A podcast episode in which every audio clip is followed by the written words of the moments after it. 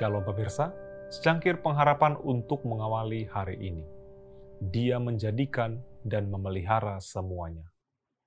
Hanya Engkau adalah Tuhan.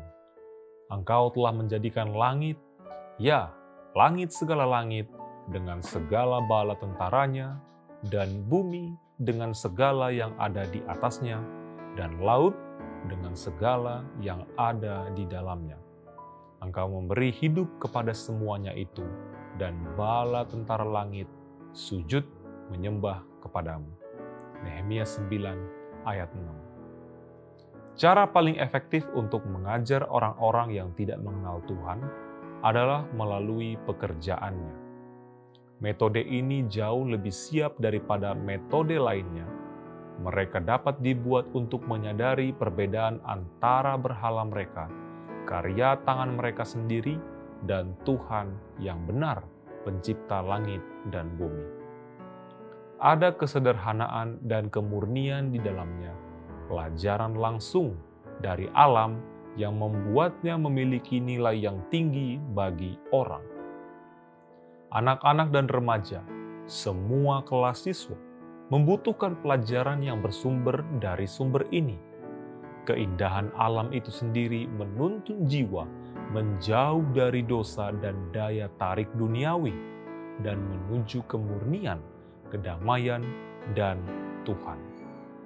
Karena alasan inilah, maka mengolah tanah adalah pekerjaan yang baik untuk anak-anak dan remaja.